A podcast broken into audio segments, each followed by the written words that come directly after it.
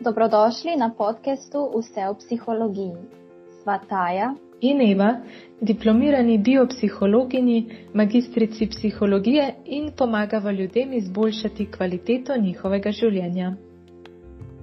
Na tem podkastu se bomo pogovarjali o psiholoških vsebinah in naj namen je, da te vsebine predstaviva na razumljiv in uporaben način, hkrati pa znanost združujeva s prakso.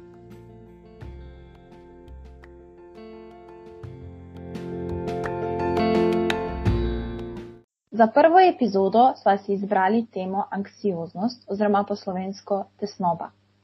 Čeprav mogoče ne poznate vsi tega termina, sem sigurna, da se je vsak s tem pojavom srečal vsaj enkrat v življenju. Ne glede na to, ali se to spomni kot anksioznost ali ne. Danes se bomo torej pogovarjali o tem, kaj je anksioznost, kako jo prepoznamo in kateri so vzroki za njen nastanek. Omenili bomo tudi nekaj najpogostejših anksioznih motenj in nekaj tehnik samopomoči.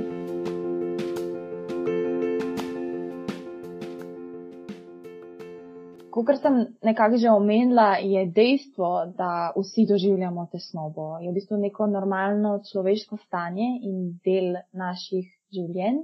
In za anksioznostjo se v bistvu skriva strah. Strah je pač to neko bazično čustvo in strah ni nujno negativen.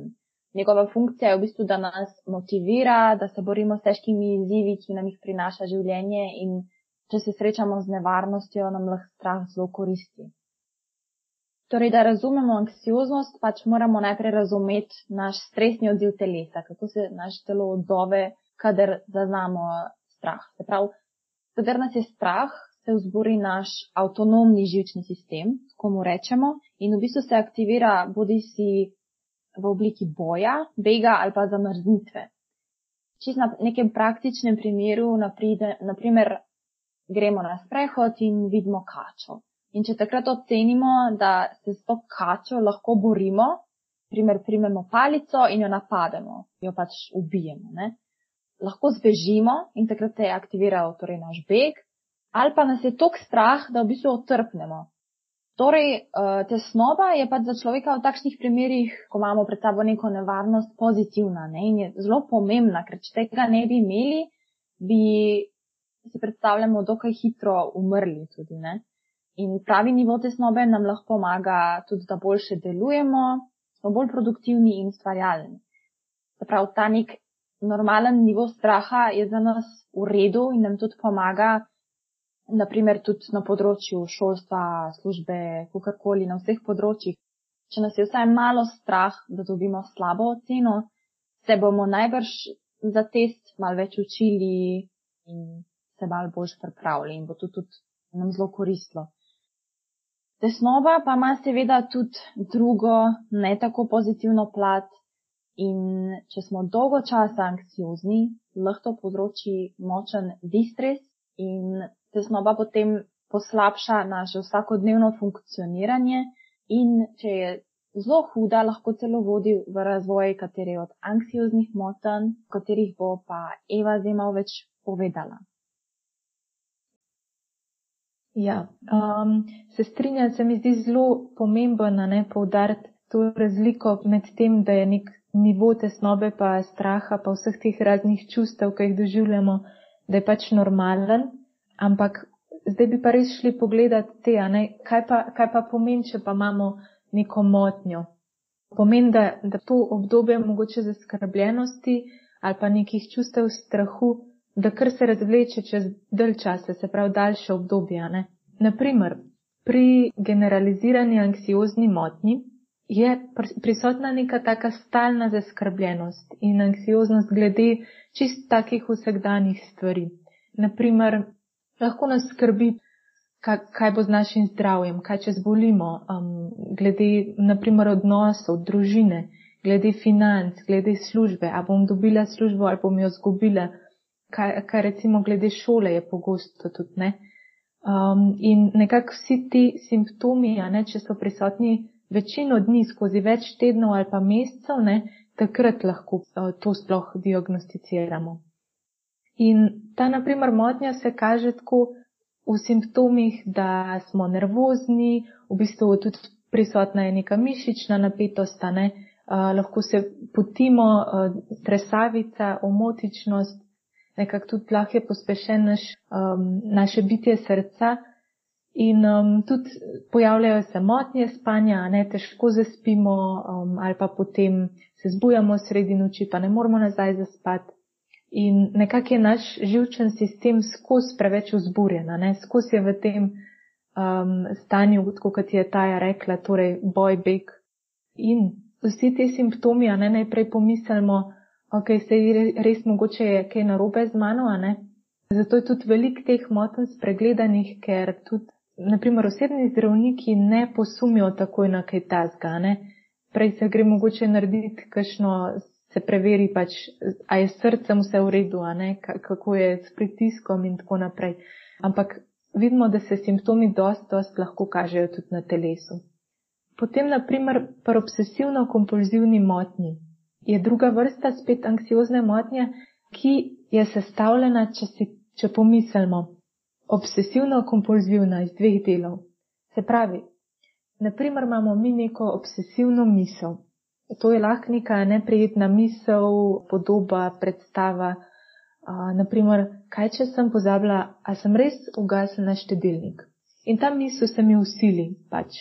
Usili se mi in v meni sproži tesnobo, pač občutek tesnobe in iz tega, kaj sledi v bistvu kompulzija, Se pravi, neko dejanje, ki mi omogoči, da se ta tesnoba potem zmanjša. Kaj naredim, če imam tako misel? Torej, grem ugasnem štedilnik oziroma grem pogledat, če sem ga ugasnila. In potem se še enkrat pojav ta misel, kot osiljiva misel in še vedno dvomim in grem še enkrat preveriti.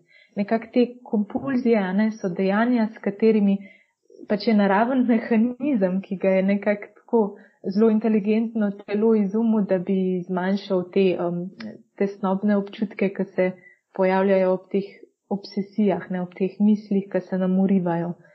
Zdaj znane mogoče vam kompulzije so lahko tudi, da si nekdo pač umiva roke, a ne, uh, vsakič, ko, vsakič, ko ima neko misel ali pa, da si naprimer, če tako rečem, lahko, da šteje do sto vsakič, ne, ko, ko pride neki, kar v njem sproži tesnobo.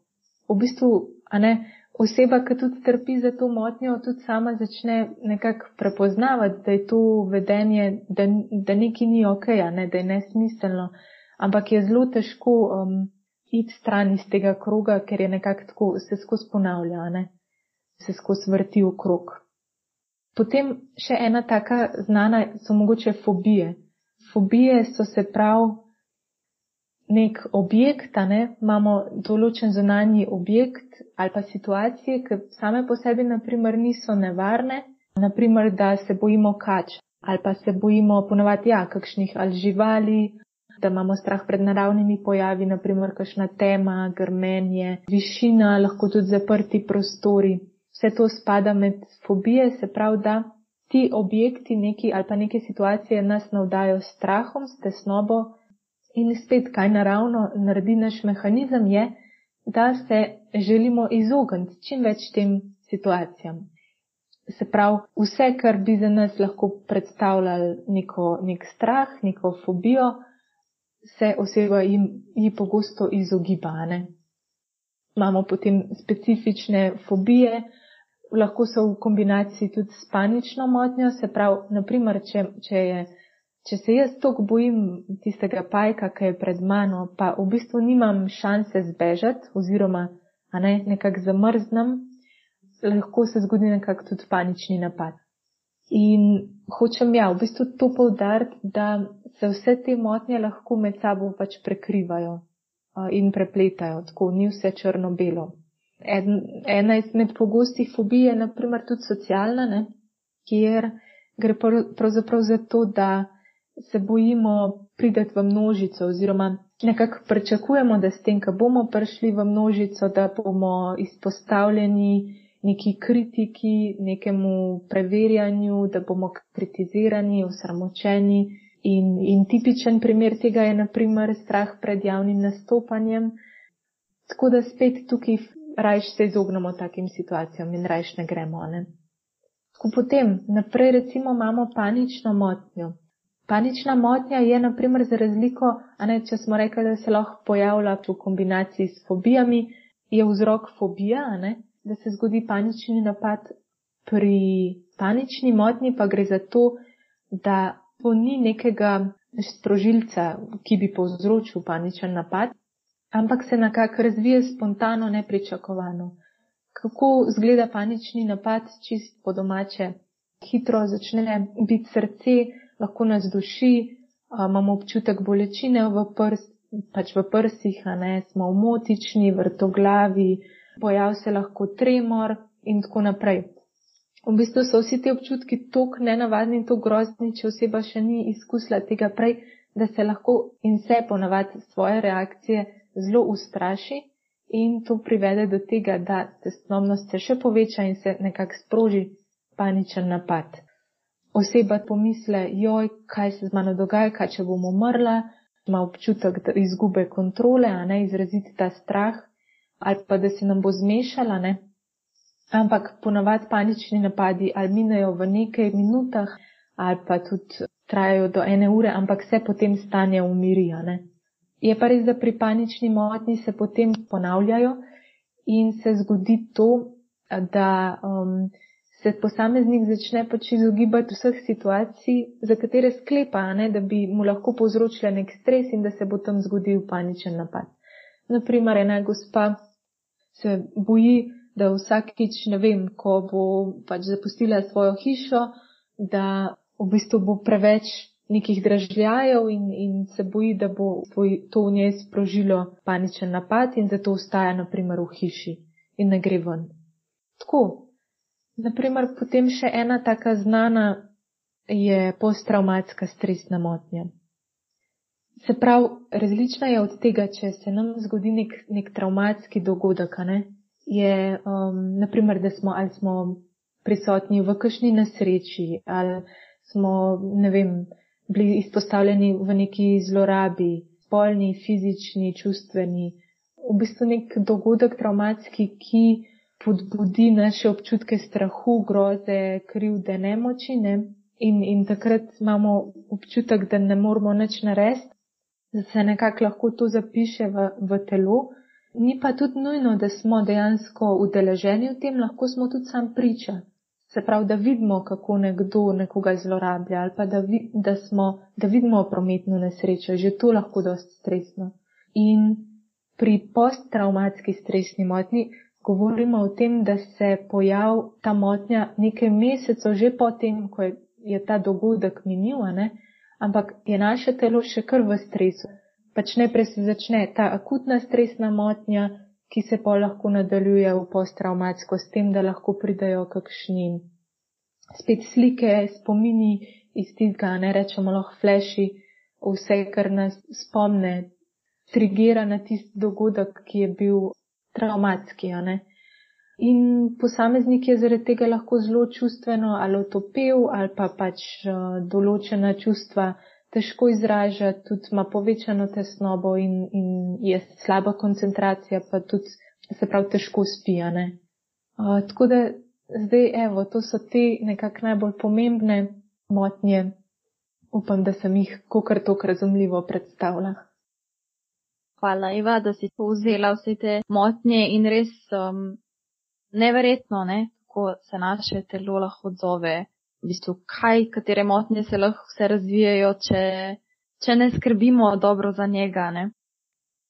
Tako da ja, zdaj pa v bistvu se odpira vprašanje, zakaj se te motnje sploh pojavijo, ne, kaj je vzrok. Torej, nekako pri vseh teh motnjah razdelimo torej, vpliv genetike in pa vpliv okolja. In zdaj vzroki se seveda odvisni glede na posameznika in na njegovo zgodovino in genetiko. In večina v bistvu raziskovalcev v svojih študijah nekako zaključi, da je anksioznost oziroma posamezna anksiozna motnja vsaj delno povezana z nekimi genetskimi predispozicijami in v nešteto raziskav v bistvu tudi so identificirali že kar nekaj genov, ki so povezani z določenimi anksioznimi motnjami. kar je zelo zanimivo. In jaz sem prepričana, da se znanost tukaj ne bo ustavila, ampak da bomo to skozi um, leta sam še odkrivali in odkrivali. Ampak nikakor pa ne smemo pozabiti okolja. Meni se zdi tukaj res pomembno, da razumemo, da če ima oseba neko genetsko predispozicijo za neko bolezen, naprimer, da je pač to podedovala od staršev ali kakorkoli, če ne bo dobila nekih negativnih vplivov iz okolja ali pa nekih triggerjev, kot lahko temu rečemo, ni nujno, da se bo ta bolezen razvila. Zato je zelo pomembno tukaj okolje in kako živimo, ne, ta epigenetika. In najprej bi mogoče tukaj povdarila vzgojo, ki se mi zdi, zdi zelo pomemben faktor. In mogoče, če vzamemo dva ekstrema, preveč avtoritarno vzgojo ali pa preveč permisivno vzgojo. Zdaj, če je vzgoja zelo stroga, da lahko mogoče starši celo otroka nekako čustveno zlorabljajo, naprimer, da ga žalijo, ponižujejo, mu nekako slabšajo to samo podobo, tudi zanemarjajo, ne. To je lo za otroka vse potem sprožitelj tesnobe, bodi si že v otroštvu ali pa potem, ko odraste in so to kar neke travme, ne, ki jih otrok potem nosi sabo in jih ponotrani. Drugi ekstrem pa je lahko preveč permisivna vzgoja. Se pravi, si predstavljamo, da res starši otroku vse dovolijo, um, ga zelo razvajajo, mu popuščajo in otrok ima lahko kasneje v življenju veliko težav s prilagajanjem, ker je pač navajen, da mu je vse ustreženo, starši so mu vedno ustregli in kadar pride v neko realno okolje, tega ne dobi, ne? noben vrstnik mu ne bo hotel vedno ustrežiti, je nekako seznanjen s to realnostjo na tak krut način in se zelo pogosto tudi potem pojavi tesnoba, ne? ker ne ve, kako se s tem soočati.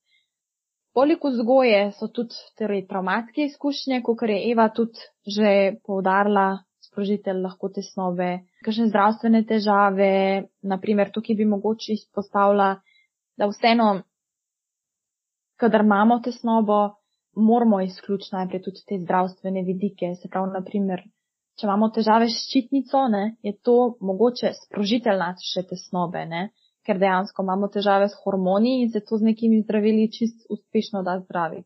Torej, da vemo, kaj je vzrok, ali je res psihološko ali je neko fiziološko uh, stanje. Pol različne izgube, ne, smrt, žalovanje, izguba službe, finančna stiska, osamljenost je ena taka zelo, mogoče zdaj aktualna za to obdobje korone, slaba samopodoba in pa pač težave v odnosih so tudi en pomemben sprožitelj tesnobe. Treba pa je povdariti, da ti občutki tesnobe niso znak slabosti, ker nam v bistvu telo sam sporoča na nek način, da z njim ne ravnaš prav in da je potrebno nekaj spremeniti. In najbrž se veliko ljudi sprašuje, ko se enkrat sreča s tem, se pravi, kaj zdaj? Mislim, kdaj po pomoč, kaj ni naredim? Ne? In jaz bi tako rekla, prav, kdaj po pomoč, kadar so ti občutki preveč in te v bistvu ustavljajo pri temu, da živiš polno življenje, takrat je smiselno, da se res pogovoriš mogoče s kakšnim strokovnjakom. Če se izogibaš nekim socialnim situacijam, naprimer šoli, službi, imaš kakšne fobije, katere zaustavljajo, naprimer, da se bojiš manjših prostorov, da se bojiš višine, da si ne upaš, ne vem, z dvigalom. Pa da se izogibaš nekim stvarem, ki si jih pa včasih zelo rad počel, da ne hodiš več na hobije, da doživljaš panične napade konstantno. Ne? To so vsi neki splošni znaki, ki nekako nakazujejo, da bi ti pač pomoč strokovnjaka koristila. Preden pa si poiščeš pomoč, je seveda potrebno poznati te različne profile ljudi, ki ti lahko pomagajo in veliko krat obstaja zmeda, zdaj kdo je psiholog, kdo je psihiater, kdo je klinični psiholog, kdo je psihoterapeut, kdo je coach in kdaj mi lahko pomaga vsak od njih psihiater je v bistvu dokončal medicinsko fakulteto. Ne? Torej, on je pač um, v osnovi zdravnik, ki je upravljal specializacijo iz psihiatrije. In psihiater se ukvarja z bolj resnejšimi oblikami duševnih motenj, kjer je v bistvu potrebno neko farmakološko zdravljenje, se pravi zdravljenje zdravili. Ne? Psihiatr pač predpiše zdravila, ki blažijo simptome, kot to naredi zdravnik za določeno bolezen. Klinični psiholog navadno dela v neki kliniki in njegova naloga je v bistvu, da diagnosticira motnje, hkrati pa tudi nudi neko psihoterapevtsko pomoč, izvaja različna testiranja in predlaga nadaljno zdravljenje. Se pravi, enkrat mogoče, če oceni, da bi temu posamezniku res koristila zdravila, ga napoti k psihiatru ali pa se tudi sam s klientom dogovori nekako, da bosta imela, ne vem, enkrat na dva tedna seanso, kjer se bosta pa sam pogovarjala, pa ga bo naučil določenih tehnik. Se pravi, je vse stranski klinični psiholog. Ne? Eh, do psihiatra in kliničnega psihologa se navadno pride preko osebnega zdravnika. Se pravi, to pomeni, da zdravnik pač da napotnico in to poteka preko zdravstva, razen če nima kateri od njih kakšne zasebne ambulante. Tukaj je edina pomankljivost, ker so pač čakalne vrste zelo dolge in še sploh za kliničnega psihologa, no, ker jih zelo primankuje v Sloveniji. Psihoterapeut pa je navadno zaposlen v neki zasebni praksi in glede na to, iz katere smeri psihoterapije je šolan, s klientom upravlja seanse in svoje tehnike. Čistko, naprimer, pri anksioznosti ne, je zelo, naprimer, koristna vedensko-kognitivna terapija. Ne bi se preveč spuščala v te posamezne smeri, ampak lahko mogoče je podcast čist mislim, lahko je neka posebna epizoda sam za to temo, ker je toliko o tem zapovedati. Ampak čisto na hitro, ne, če smo že pri anksioznosti, je zelo pogosto, da pacijenti obiščajo potem vedensko-kognitivnega terapeuta, ker v bistvu jim on da jih nauči teh nekih tehnik spoprijemanja s stresom. Naprimer, zelo take zanimive tehnike, naprimer beleženje misline. Ker če si predstavljamo, anksioznost se dejansko sproži zaradi naših misli. Prav, če mi ne bi zaznali neko situacijo kot potencijalno nevarno za nas, tesnobe ne bi bilo. Ne? In naše misli so veliko krat problem, ker se pač zapletemo v nekem tem krogu in ne moramo ven. In lih ta vedenski kognitivni terapeut nam lahko pomaga pri tem, da si misli pišemo, jih spremljamo in jih tudi enkrat spremenimo, ker je to v bistvu temelj ki je nujen pri anksioznosti. Pol imamo naprimer logoterapijo, kjer v bistvu s psihoterapeutom odkrivaš nek smisel življenja. Psihoanaliza je tudi ena taka znana smer, kjer se povdarja to nezavednost. Se v bistvu mogočišče lih to, ne, se pravi, si anksiozen, ampak kaj je od zadine? Kaj se je tebi zgodilo v življenju, da si ti zdaj anksiozen? In se v bistvu odkriva uh, vzroke, in nekako njihova predpostavka je, da pač, kad te vzroke odkrijemo, se pravi, lahko gremo naprej. Ja, to je nekako um, na hitro, no. Zdaj pa kaj pa coach, ne? Eva, ti si um, certificirana in licencirana coachinja. Kako lahko coach pomaga pri anksioznosti? Uh mhm. -huh. Tako se mi zdi pomembno, no, kar si rekla, lih to na eni strani, da ocenimo sploh, koliko je anksioznost močna, koliko močno obremenjuje naše življenje. Ne? Zdaj, če gre recimo za neko tako blažjo stisko, v smislu sam, da začnemo opažati, ok, ne vem, mogoče v tej pa tej situaciji, a ne večkrat čutim tesnobo, ne znam s tem, ali pa mogoče bi rabila kakšno pomoč, da bi hitreje prišla ven iz tega, da bi hitreje začela, ne vem, mogoče bolj živeti v skladu s sabo. Tako. Se pravi, coach je nekdo, ki ti pomaga v bistvu, da prideš hitreje iz ene točke A v točko B. To pa dela s pomočjo um, coaching vprašanj, ki pomagajo v bistvu lih to, da klient začne razširjati malo svoje obzorje, da, da stop malo iz tega začaranga kroga tega avtopilota, po katerem deluje vsak dan, a ne da bolj postane zavesten, da bolj postane pozoren na to, kaj v bistvu počne, zakaj počne. Pač coaching se sicer ne, ne, ne um, ustavlja toliko po vzrokih, pa gre brskati nazaj v preteklost, ampak vse uh, je nekaj, kar delamo tukaj pa zdaj. Se pravi, se bolj fokusira na sedanjost, na probleme v sedanjosti, pa tudi na načrtovanje prihodnosti. Se pravi, kaj želiš doseči. Tako da jaz upam, da sem približen opisala, kaj, kaj je, če ne pa me lahko še povprašaš oziroma dodaš kaj. Ja, um, mogoče tam to, ne, da, da tudi naši poslušalci bolj razumejo razliko med psihoterapeutom in coachom. Coach je v bistvu nekdo, ki nam lahko pomaga, če je neka bolj blaga anksioznost in če je mhm. prisotna mogoče neka zmedenost ali pa se, smo nego, mogoče se nekako stavili nekje na neki točki v življenju, ne vemo točno, kaj je naš namen, kaj je naš cilj. Medtem ko pač pri psihoterapiji gre res za to, da če ima oseba neko bolj poglobljene probleme, neke bolj globoke težave, ki pa res bi bilo treba nekako bolj sistemsko predelati, takrat uh -huh. pa mhm. se mogoče bolj res priporoča psihoterapija. Uh mhm. -huh. Ja, je res, ja naprimer, kadarkoli gre za kakšne ali travme ali eh, kakšne, se prav, se prav, take stvari, a ne, ki se prav ni, ne, ne moramo jih reševati na površini. Se mi zdi, smo zelo nagnjeni tudi k tem, ne vem, bom probal to tehniko, uno tehniko, to deluje, uno deluje. Ampak potem na koncu vidiš, ne, da se moramo globinsko lotiti stvari, se prav v tem primeru psihoterapija je ključ je pa spet lahko tudi coaching zelo koristen kot nekak, kot pomoč pri psihoterapiji, ker coaching nekako omogoča to, da dobi vse človeka, ne da se ne ukvarjamo zmer samo s problemom, ampak dobi človek tudi moč, um, kaj pa je že tist, kar je dobro v mojem življenju, kako pa lahko še tist nekak dam več povdarka temu.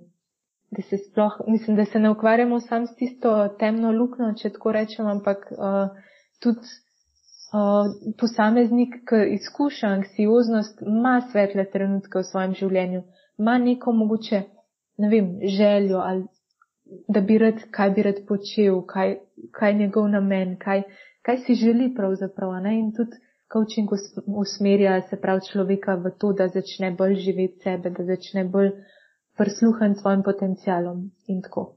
Uh. -huh. Se mogoče bi z tega še izhajala, ker kaj pa lahko mi sami naredimo, torej kakšne so neke tehnike samo pomoči, kako si lahko pomagamo pri anksioznosti oziroma kako lahko živimo z njo. No, prej sem že umenila, koliko je danes enih različnih, a ne tudi načinov, ki blažijo oziroma ljudi, ki nam obljubljajo, da bojo rešili našo težavo. In se mi zdi, da prvo pomembno dejstvo je to, da moramo preveriti, kom gremo, torej kam se obračamo po pomoč. Ne bo to, da preverimo pač, da je oseba res certificirana, a ne tudi danes je vsak že lahko coach.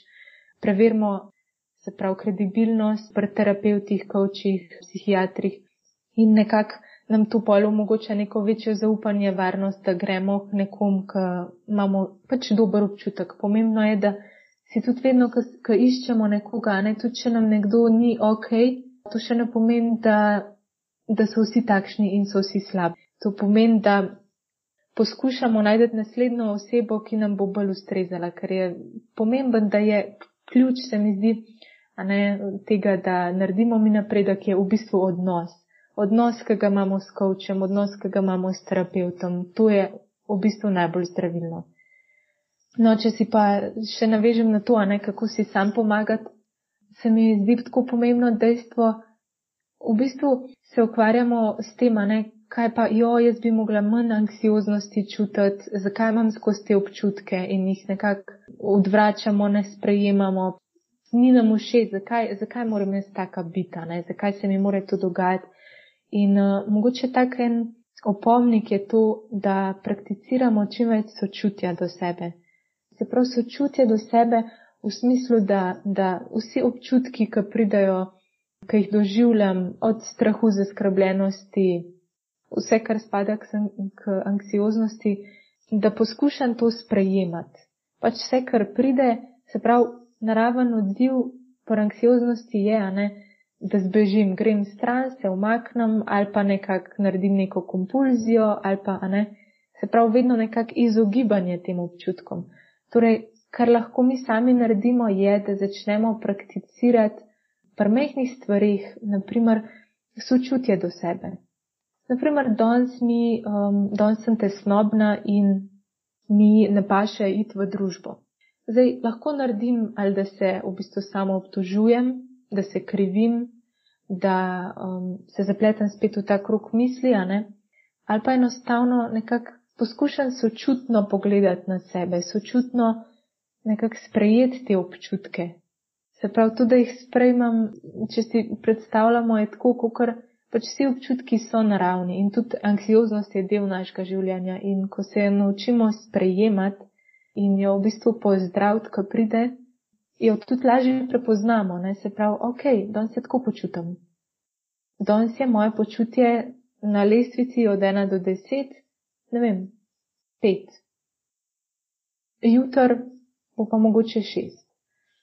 Se pravi, da, ne tudi, da preverjam te občutke, kako se počutim, da se opazujem, da hkrati tudi, ne to prakticiranje čuječnosti oziroma mindfulnessa, mogoče ste že slišali za to, ker je tudi izjemno popularen koncept, nekak spremljanje teh opazovanje, a ne, misli občutkov, ki pridejo in grejo. Lahko se samo sedemo in um, se osredotočimo na svoj dih, gledamo po sobi, pač kaj vidim v tem trenutku, kaj slišim. Se pravi, da čim več probamo zaposliti naše trenutne vse dražljaje, se pravi in vidne, kaj vidim, kaj slišim, kaj vonjam, kaj čutam, tipam, da se čim bolj damo v ta trenutek. Vse, kar zelo pomaga pri anksioznosti, je to, da se čim bolj usmerjamo ne v prihodnost, ampak v to, kaj zdaj, kaj se zdaj dogaja to lahko izjemno pomiri tudi naš živčen sistem. Se pravi, se osredotočimo na dihanje, trebušno globoko dihanje zelo pomaga, ker dejansko je to edin, nekak, edina avtonomna funkcija v telesu, ki lahko nadzira in bitje srca in krvni tlak in dejansko vpliva na naše psihično počutje, da uravna kortizol, se pravi, stresni hormon se zniža. Torej, dihanje ne, je eno res tako pomembno orodje. Se pravi, lahko dihaš vsak dan, lahko se bolj sredotočeš na trenutek, tako da zaposliš svoje dražljaje, da si pozoren na to, kaj se zdaj dogaja, ko greš na sprehod tudi, naprimer, da si pozoren na to pač, kaj, kaj vidiš, ki, da opazuješ dreve, drevesa, poslušaš zvok ptičkov in tako. Se pravi, čim bolj se daš v stanje tukaj zdaj. Potem ena taka zadeva je meditacija. Meditacija je isto, ne, imamo jih full vrste, v tem bi tudi lahko še en podcast naredil, ampak tako v grobem namen meditacije je, da se živčni sistem pomiri, ker v bistvu pri anksioznosti gre za to, da, kukar, da bi bili neki, a ne kabli v našem telesu, to je naš živčni sistem stalno na elektreni. Se pravi, z meditacijo pa dosežemo to, da treniramo, da se ta napetost začne umirjati. Meditacijo lahko prakticiramo ali tako, da imamo vodeno meditacijo, ne, da nas nekdo vodi skozi njo, lahko je osredotočena ali na dihanje, ali, ali pač prav na ta mindfulness, čuječnost, um, lahko je osredotočena na vizualizacijo, ne, Um, lahko imamo tudi različne oblike metode sproščanja, kot je progresivna mišična relaksacija, ki tudi ful pomaga pri anksioznosti. To je v bistvu način, kjer sistematsko stiskamo svoje dele telesa in jih sproščamo, ne? in začnemo opažati razliko med tem napetim stanjem pa med sproščenim stanjem. Tako, to so mogoče, kar vam dajem zdaj, so ene take istočnice, kar mogoče greste lahko še sami mal bolj pobrskati, ne, pa pogledati. Drugač pa vse, naprimer, kar počnete, je zelo koristno, da delate, ko niste v, v, v akutni tisti tesnobi, ko je ful težko. Se pravi, da treniramo proščeno stanje, ga moramo začeti trenirati, ko se počutimo tako, ok, približno ok, da moja tesnoba ni tako močna, ne? Se pravi, da takrat grem meditirati, da grem takrat dihati, da grem takrat na sprehod. Ker kaj se bo potem zgodil, ko bomo mi prišli do te situacije, ko smo močno tesnobni ali pa doživljamo neko zaskrbljenost, bomo se lahko bistveno hitreje spravili, v bistvu bistveno hitreje sprostili, bistveno hitreje pomirili. Pol ena taka zadeva, ful uporabna je, kaj tudi ta je rekla, pisanje dnevnika. Se pravi, da zapišeš svoje misli, da zapišeš vse, kar pač ti pride na misel. Naprimer, doživljaš ful zaskrbljenosti, ful enih misli, se ti zdi, da je ful težko, vzameš list papirja, vzameš svoj zvezek in greš pisati. Samo pišeš, kaj doživljaš, pišeš svoje misli. In um, kaj jih v bistvu tako napišeš na papir in jih pogledaš od deleč, um, je to res lahko ful, ful močno olajšanje. Tako, to je ena tehnika, ki tudi meni osebno zelo, zelo pomaga. Mislim, da je res ena od tudi najbolj učinkovitih, no, za, prav za anksioznost. Potem smo rekli, ja, sprehodi, šport, yoga, ne, vse, kar v bistvu premaknemo naše telo, povzroč to, da se tudi nekako naše žleze v možganih drugače stimulirajo, da se prekrvavijo in tudi s tem, ko se prekrvavi naše telo, dejansko povzročimo, da se resetira, da, da nekako um, tudi ne vemo, da pri športu se sproščajo endorfini, dopamin, serotonin, to so vse te neurotransmiteri, ki so odgovorni za srečo, za koncentracijo, za boljše razpoloženje. Tako da to res zelo, zelo pomaga. To je zdaj to na kratko o teh stvarih, kaj lahko sami naredimo, Pa predvsem ja bi rekla tudi, da treniranje, treniranje sočutja do sebe, nežnost do sebe. Tako. Ja, se mi zdi super vse, kar si omenila, eh, res take, take tehnike, ki bi jih mogli vsi izvajati, tudi tisti, ki se ne soočajo s tesnobo, mogoče v trenutnem stanju. Mhm. Ampak, um, ja, jaz bi mogoče tukaj sam še dodala, da se mi zdi mogoče zelo taka ena tehnika, kadar imamo neko tako misel, pa nas res, ali pa kakšno skrb, ali pa karkoli, se mogoče je potrebno vprašati, ali pa zelo lahko pomaga, če se vprašamo, kaj bi jaz svetoval svojemu prijatelju, če bi on zdaj prišel meni z istim problemom, pa bi mi to zaupal, kaj bi jaz njemu rekla, ne? In kaj se mhm. doskrat zgodi, človek takoj pride do neke rešitve, ne? -huh. Jaz bi mu svetoval to, jaz bi mu svetoval to, ne. Ker mogoče pri sebi je zelo težko oceniti, kaj bi bilo najboljš, ne, ker smo tako subjektivno upleteni v naše težave, kadar pa se res damo v to vlogo prijatelja, je res mogoče neka druga perspektiva, ki jo dobimo in se mi zdi res mogoče fajn, da se vprašamo, ne, kaj v bistvu, kaj, kakšne so rešitve, ne pač. Mhm. Tako. Ja, no, se še, v bistvu si me spomnila še na eno zanimivo, tudi zelo preprosto tehniko, eh, ko imamo neko misel ali je tudi lahko usiljiva misel ali je pač tam v obliki zaskrbljenosti, tesnobe. Mm, da, naprimer, če, če dam primer, imam misel o tem, joj, kaj če dobim raka, kaj če bom zbolela. Ali pa joj, kaj če ne bom dobila službe, kaj če bom zgubila službo. No, in kar naredimo, je to, da dam, damo pač pred ta stavek, damo sam besedo, imam misel, da.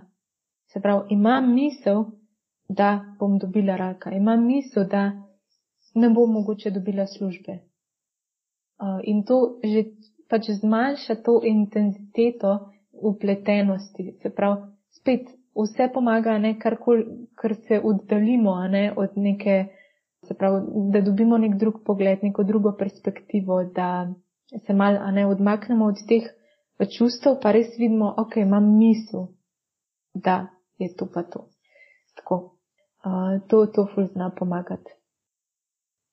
Se strinjam. V bistvu na ta način, ko se oddaljimo, utišamo ta naš del, ki smo ga omenjali na začetku, ne, sprav, uh, big boy, zamrznitev, se pravi, da nas ne preplavljajo čustva, ampak da res gremo pogledati racionalno na stvar.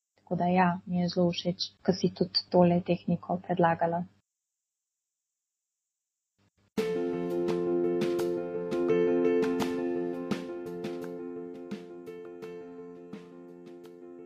Zdaj smo prišli na konec naše epizode in mi dve se vam iskreno zahvaljujeva, da ste naj poslušali in res upava, da ste dobili kakšne uporabne informacije o anksioznosti in soočanju z njo. Če pa imate kakršnokoli vprašanje, predlog ali pa mnenje, v opisu postiva tudi naše kontaktne podatke in sicer na e-mail in pa tudi Instagram profile, ki jo upravljava. Voščim vam en lep preostanek dneva oziroma večera in upam, da se poslušamo tudi prihodnjič. Tako se poslušamo še naprej. Bodite lepo, pa poskrbite zase.